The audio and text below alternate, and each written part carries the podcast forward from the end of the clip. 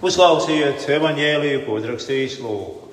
Drīz pēc tam Jēzus devās uz pilsētu sauktu Nāju.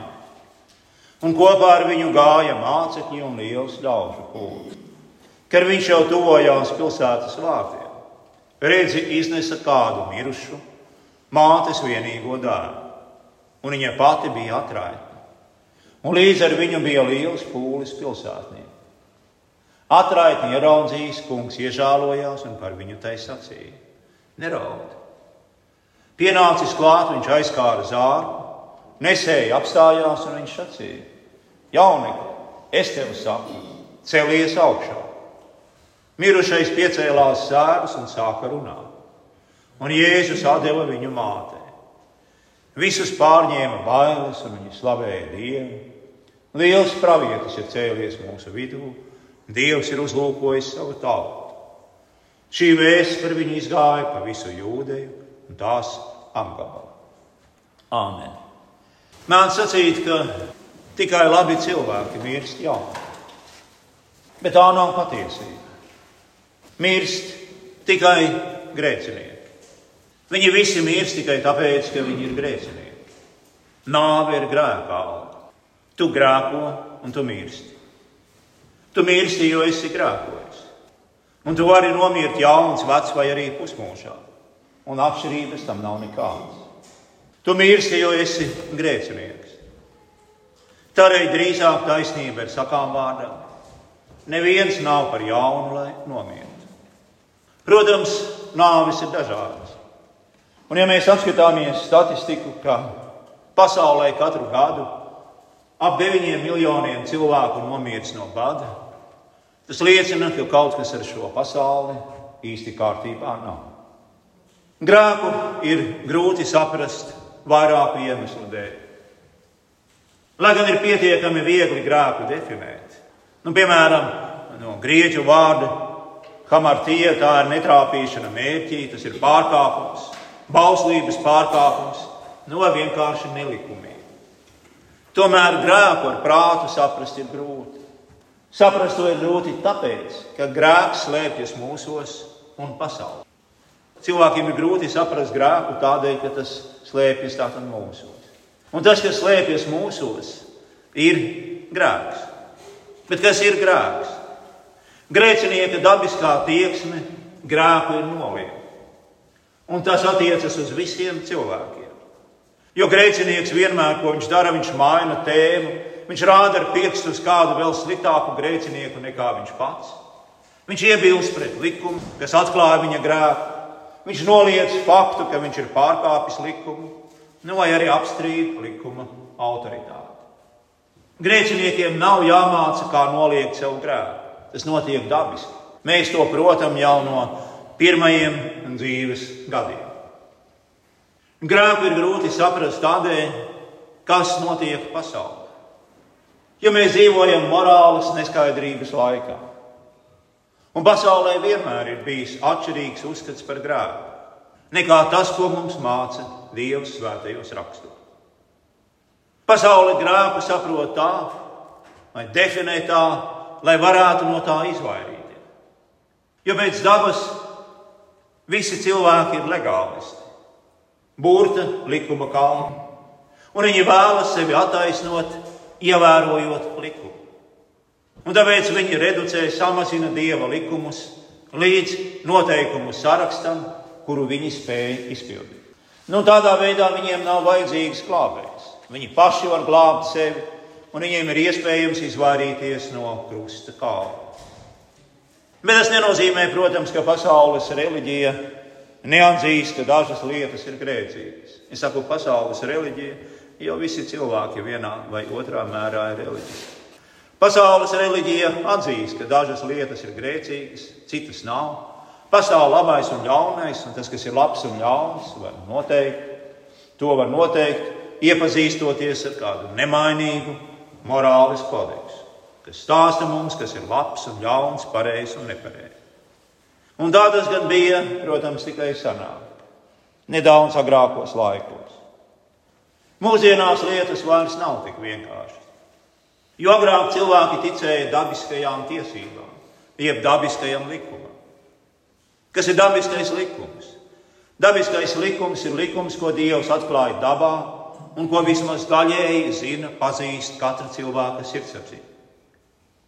Un tas mums rāda, kas pēc būtības ir pareizi un kas ir nepareizi. Tā tas bija vakar un tā būs rīt. Tā tas būs vienmēr. Dabiskais likums norāda uz likuma devēja esamību. Nu, tas, protams, mūsdienās nevienam vairs nepatīk. Mūsdienās daudzi cilvēki pilnībā noraida dabisko likumu. Nevarētu attaisnot tādus grēkus kā nedzimušu bērnu nogalināšana, homoseksualitāte nu, un citas tam līdzīgas, vēl perversākas lietas. Daba mums māca, ka Dievs, kas mūs radījis, šādas lietas nosoda.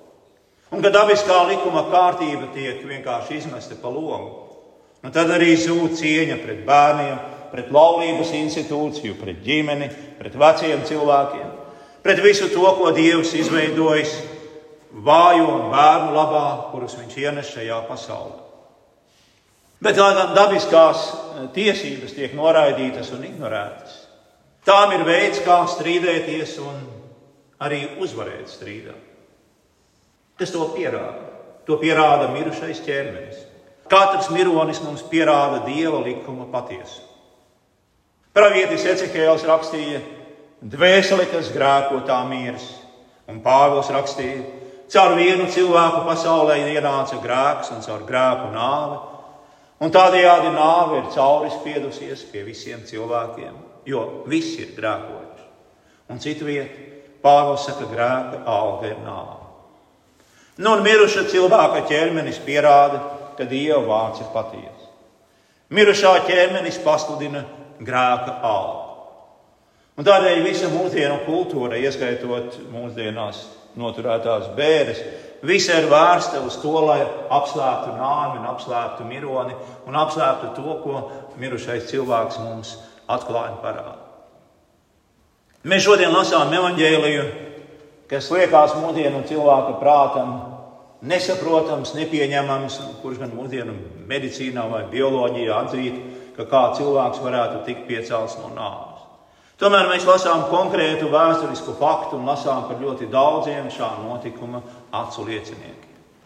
Kas tur toreiz notika? Atraiti no nainas sēroja par savu dēla nāvi, kad viņa nesa viņa līķi, lai to apglabātu. Viņa bija palikusi bez vīra un bez dēla, un tādēļ tā laika vēsturiskajā situācijā viņa bija absolūti bezpalīdzīga. Jauneklis bija miris. Kāpēc viņš bija miris? Mēs zinām. Tādēļ, ka viņš bija grēcinieks. Viss pārējais mūs neinteresē. Patriārhs Enoks toties nekad nav miris.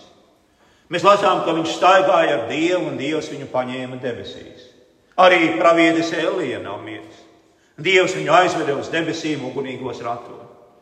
Nu, daži cilvēki domā arī, ka Marija nekad nav mirusi, bet tikusi uzņemta debesīs. Nu, tam gan, protams, nav nekādu pamatojumu Bībelē, tos atrast nav iespējams, un tā ir cilvēku spekulācija. Bet ievērības cienīgi ir tas, ka mēs zinām par dažiem izņēmumiem cilvēku starpā. Par atsevišķiem, trim, četriem īpašiem cilvēkiem. Un tie ir cilvēki, kuri nav miruši. Un viņi ir ārkārtīgi rēts izņēmums, un šis izņēmums apstiprina likumu. Un likums ir, ja tu grēko, tu mirsi. Kad Jēzus ieraudzīja šo sievieti raudamu blakus savam mirušā dēla atvērtajam zārkam, Jēzus apžēloja. Viņas dēls ir miris un viņa ir viena. Un viņš viņai teica, lai viņa neraud. Nu, tad viņš viņai parādīja, kāpēc. Kāpēc lai viņa neraud? Raudāšana liekas visdabiskākā lieta šādā brīdī. Bet Jēzus pieskārās zārkam, kurā gulēja viņas mirušais dēls. Kas šeit notika? Šeit dzīvība saskārās ar nāvi. Šķīstība cīnījās pret samaitātību. Miesā nākušais dievs runā, un ko viņš saka? Viņš saka, jaunekli, es tev saku, celiet. Ievērojiet, viņš nesaka jaunekli celiet, bet viņš saka, jaunekli, es tev saku, celiet. Es tev saku, kas ir šis es, kurš saka? Tas ir pats Dievs, tas kungs. Viņš ir svētās trīsvienības persona. Viņš ir vārds, kas tapa miesa. Viņš ir mūžīgā dzīvība, kas ienākusi mūsu laikā un telpā, un kura saka mirušajiem, es tev saku, celies augšā. Mēs, protams, varam pārdomāt šo notikumu, un ja mēs to salīdzinātu ar daudzām mūsdienu parodijām, kur ir milzīgs poms un milzīgs troksnis un milzīga ažiotāža, šeit mēs redzam, visu notiekam klusi, vienkārši un patiesi tā jau, kā tas vienmēr ir svētajos rakstos lasāms par Jēzu un apakstuļu dzīvi un darbiem. Viss ir vairāk nekā reāli. Ja mēs atgriežamies nedaudz atpakaļ evanģēlijā tekstā, tad iepriekšējais evanģēlista Lūkas reģistrētais notikums stāsta par kādu romiešu militāru personu, kuras kalps gulēja uz nāves gultas. Un, kad Jēzus sāka ceļu uz šā vīra mājām, virsnieks nosūtīja savus draugus, lai pateiktu, ka viņam nevajag sevi apgrūtināt. Jēzum atlika tikai pateikt vārdu, un virsnieks sacīja, ka viņš ir pakļauts autoritātei, un ka viņa pakļautībā ir vīri, kuriem pietiek ar viņa vārdu. Viņš atzina, ka Jēzum ir vara pār slimībām un nāvi, un ka viņš savu varu var likt lietā ar savu vārdu. Un uz virsnieka teikto Jēzus atbildēja: Es neesmu atradis tik lielu ticību pat Izrēlā. Draugi, kur Jēzus uzvarēja nāvi. Nu, tad raugies uz to vietu, kur Jēzus tev dod savu uzvaru. Jēzus uzvarēja nāvi tur, kur viņš iznīcināja grēku. Un kur tas notika? Mēs zinām, ka grēks izraisa nāvi. Un paskatieties, kur Jēzus nesa grēku. Un tu redzēsi, ka viņš uzvarēja nāvi. Tieši Golgātā, kur Jēzus nomira par pasaules grēkiem, viņš iznīcināja arī pašu nāvi. Un viņš to pierādīja kā? Pats augšām ceļoties no mirušajiem. Tas pats kungs, kurš uzmodināja no nāves atraitnes dārbu, neticami, neiespējami, viņš uzmodināja arī pats sevi. Un uzmodināja sevi nevis tā kā šo jaunekli pie nainas, bet uzmodināja sevi, lai nemirtu nekad vairs mūžīgi. Viņš mīra un augšām cēlās, jo nesa savā miesā pasaules grēku. Viņš nesa patieso nāves iemeslu un cēlu. Un paraugies uz viņa ciešanām. Un tu redzēsi tajās, kā tiek nomazgāts grēks. Katrs grēks, arī ik viens tavs grēks. Jo ko darīja Dievs, viņš nepiemiedz acis pret grēku. Viņš neklausīja tāda grēcinieka padomam, kas nenožēlo grēkus, un viņš neaizskaidroja grēku prom. Viņš neizlikās, it kā neko neredzētu, nekā tāda nebūtu. Nē, viņš reāli stājās grākam pretī. Un viņa mīlestība pretojas visam, visam tam, kas mūs sāp. Viņa līdzjūtība nav īslaicīga sajūta vai īslaicīga sentimenta. Viņš neraugās uz mums tā, kā mēs raugāmies uz cilvēkiem, grāmatās un filmās. Viņa līdzjūtība ir īsta, patiesa, līdz pat galam. Un viņš tiešām jūt, viņš jūt mūsu sāpes. Dievs tās cieš, viņš tās piedzīvo. Viņš nes vainu, spriedumu, dusmas un sodu. Protams, ne viņa dievišķībā, bet cilvēka miesā. Tā Jēzus paņem prom grēku, nāvi un iegūst varu dot dzīvību tam, kam viņš grib. Ja mēs saprotam grēku un saprotam grēka sekas un saprotam to, kā Jēzus uzvar grēku, mēs arī saprotam to, ka viņš var dot jebkuram, jebkurā brīdī mūžīgo dzīvību, kam vien viņš grib. Ne tikai visi tie daudzie brīnumdarbi, par kuriem mēs lasām jaunajā derībā, kas priekš Dieva, protams, ir nieks, bet arī dot dzīvību tam, kam viņš grib. To atceries vienmēr, visos brīžos un visās grūtībās. Un nekad arī nedomā, ka esi par jaunu, lai mirtu. Savos slimnīcas apmeklējumos es bieži vien ar pārsteigumu esmu ieraudzījis, cik daudz jaunu cilvēku sēž pie ķīmijterapijas kabineta vai staru terapijā, veselīgi slimi. Ļoti jauni cilvēki. Neviens nav par jaunu, lai nomiertu. Un mūsu vienīgā cerība, cerība pret nāvi, jo visa cilvēka dzīve, visa mūsu filozofija, visa mūsu domāšana ir vērtīga tikai tad, ja tā konfrontē nāves jautājumu. Tas ir pats svarīgākais un galvenais mūsu dzīvē. Ja mēs neatbildam uz šo jautājumu, Viss pārējais ir bezjēdzīgi. Ir bezjēdzīgi runāt un spekulēt par daudzām un dažādām lietām, ja mēs neatbildam uz galvu. Jautājumu, ko mēs jau zinām, tiklīdz mēs sākam staigāt un kaut nedaudz saprast ar savu prātu, kādu dienu man būs jāmirst. Kāpēc? Jēzus uzvarēja nāvi pie krusta. Savā vārdā viņš mums dod šo uzvaru pār nāvi. Mums katram. Un to, ko viņš ieguva Golgātā, viņš dod savā vārdā. Viņš dod, viņš runā. Viņš saka, es tev saku, celies. Un vēlāk Lūkas evanģēlijā viņš saka saviem mācekļiem, kas jūs dzirdat, tas mani dzird. Kas jūs neklausa, tas mani neklausa. Kas mani noraida, tas noraida to, kas man izsūtīja. Un viņš saka saviem sludinātājiem: Ejiet pa visu pasauli un sludiniet evaņģēliju visai radībai. Viņš saka, saņemiet svēto garu. Kam jūs grēkus piedosiet, tiem tie būs piedoti. Kam jūs grēkus paturēsiet, tiem tie tiks paturēti. Lūk, vienīgā atbilde uz grēka un nāves lielo jautājumu. Nevienas citas reālas atbildes šajā pasaulē mums nav. Jēzus runāja toreiz, un viņš runā tagad. Un kad viņš runā, ko viņš dara? Viņš piedod grēkus. Viņš dara dzīvi. Un tagad viņš runā caur cilvēkiem. Jēzus ir svēts. Vīri, caur kuriem viņš runā, ir grēcīgi. Jēzus ir nemaldīgs. Vīri, caur kuriem viņš runā, ir pakļauti daudzām dažādām kļūdām. Jēzus vārdi ir visvareni.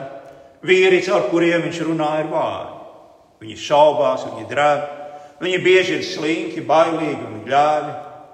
Bet ko dara Dievs? Viņš ņem šos grēcīgos, maldīgos, šaubīgos, trīcošos, bieži slinkos, bailīgos un gļāvos cilvēkus un caur viņiem runā visvarenos dzīvības vārdus. Es tev saku, toreiz sacīja Jēzus. Un viņš turpina runāt. Kas notika toreiz? Mirušais piecēlās, un ko viņš darīja? Arī viņš sāka runāt. Tā tas bija, tā tas notiek. Un tāpēc mēs ejam tur, kur runā Jēzus. Ja tu gribi būt kristietis, tev ir jādzird Jēzus balss. Viņš nedod dzīvību caur gaisu vai kaut kādām enerģijām vai kaut ko tam līdzīgu. Nē, Jēzus runā. Un runādams, viņš saka jāpilnus vārdus. Viņš nerunā ar jums sapņos vai vīzijās vai jūsu lūgšanā. Viņš runā ar jums caur savu vārdu.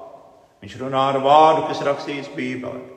Viņš runā caur vārdu, ko baznīcā sludina kalpotāji, kurus viņš sūta sludināt.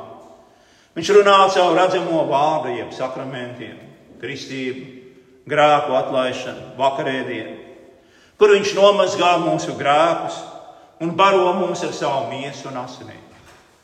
Baznīca ir svēto sapulce.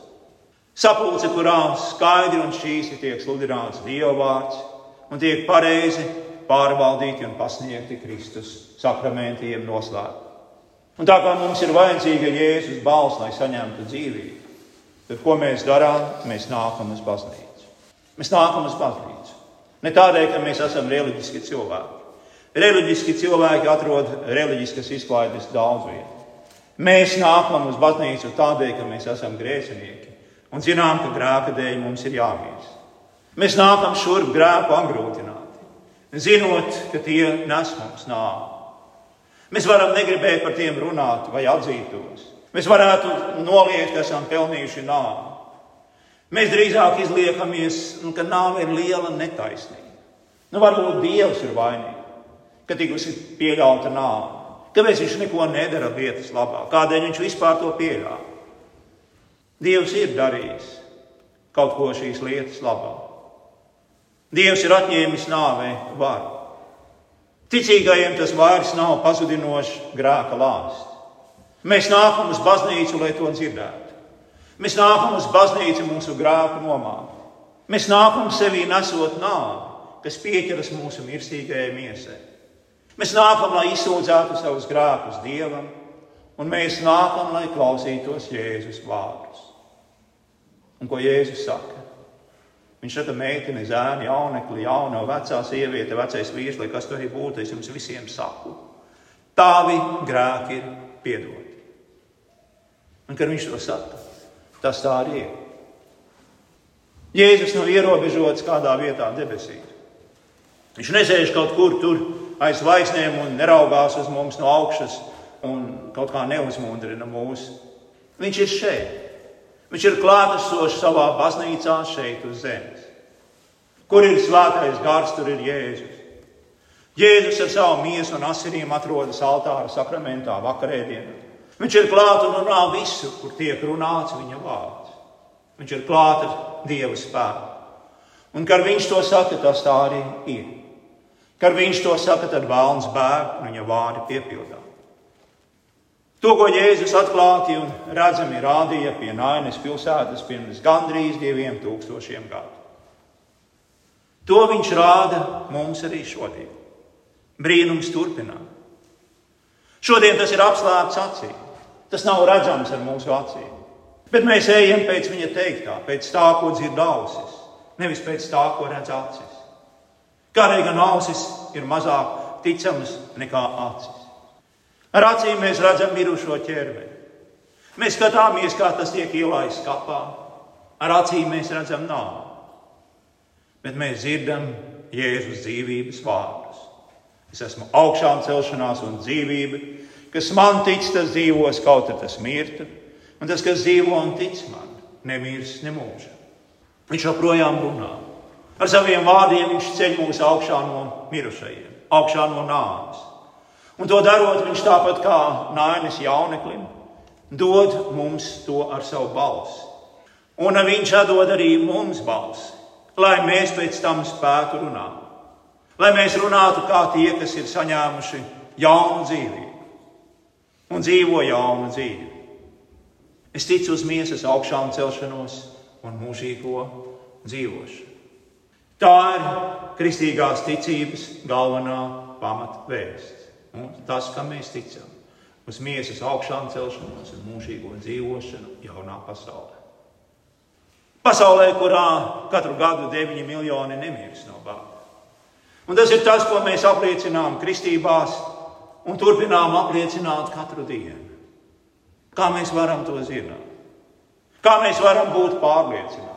Kā mēs varam stāties pretī nāvei un nepakļauties tās varai pār mums? Mēs varam to tādēļ, ka mēs esam dzirdējuši Jēzu sakām. Es tev saku, tu dzīvosi. Grāks un nāve saka vienu. Grāks un nāve un pasaule saka, tu mirsi.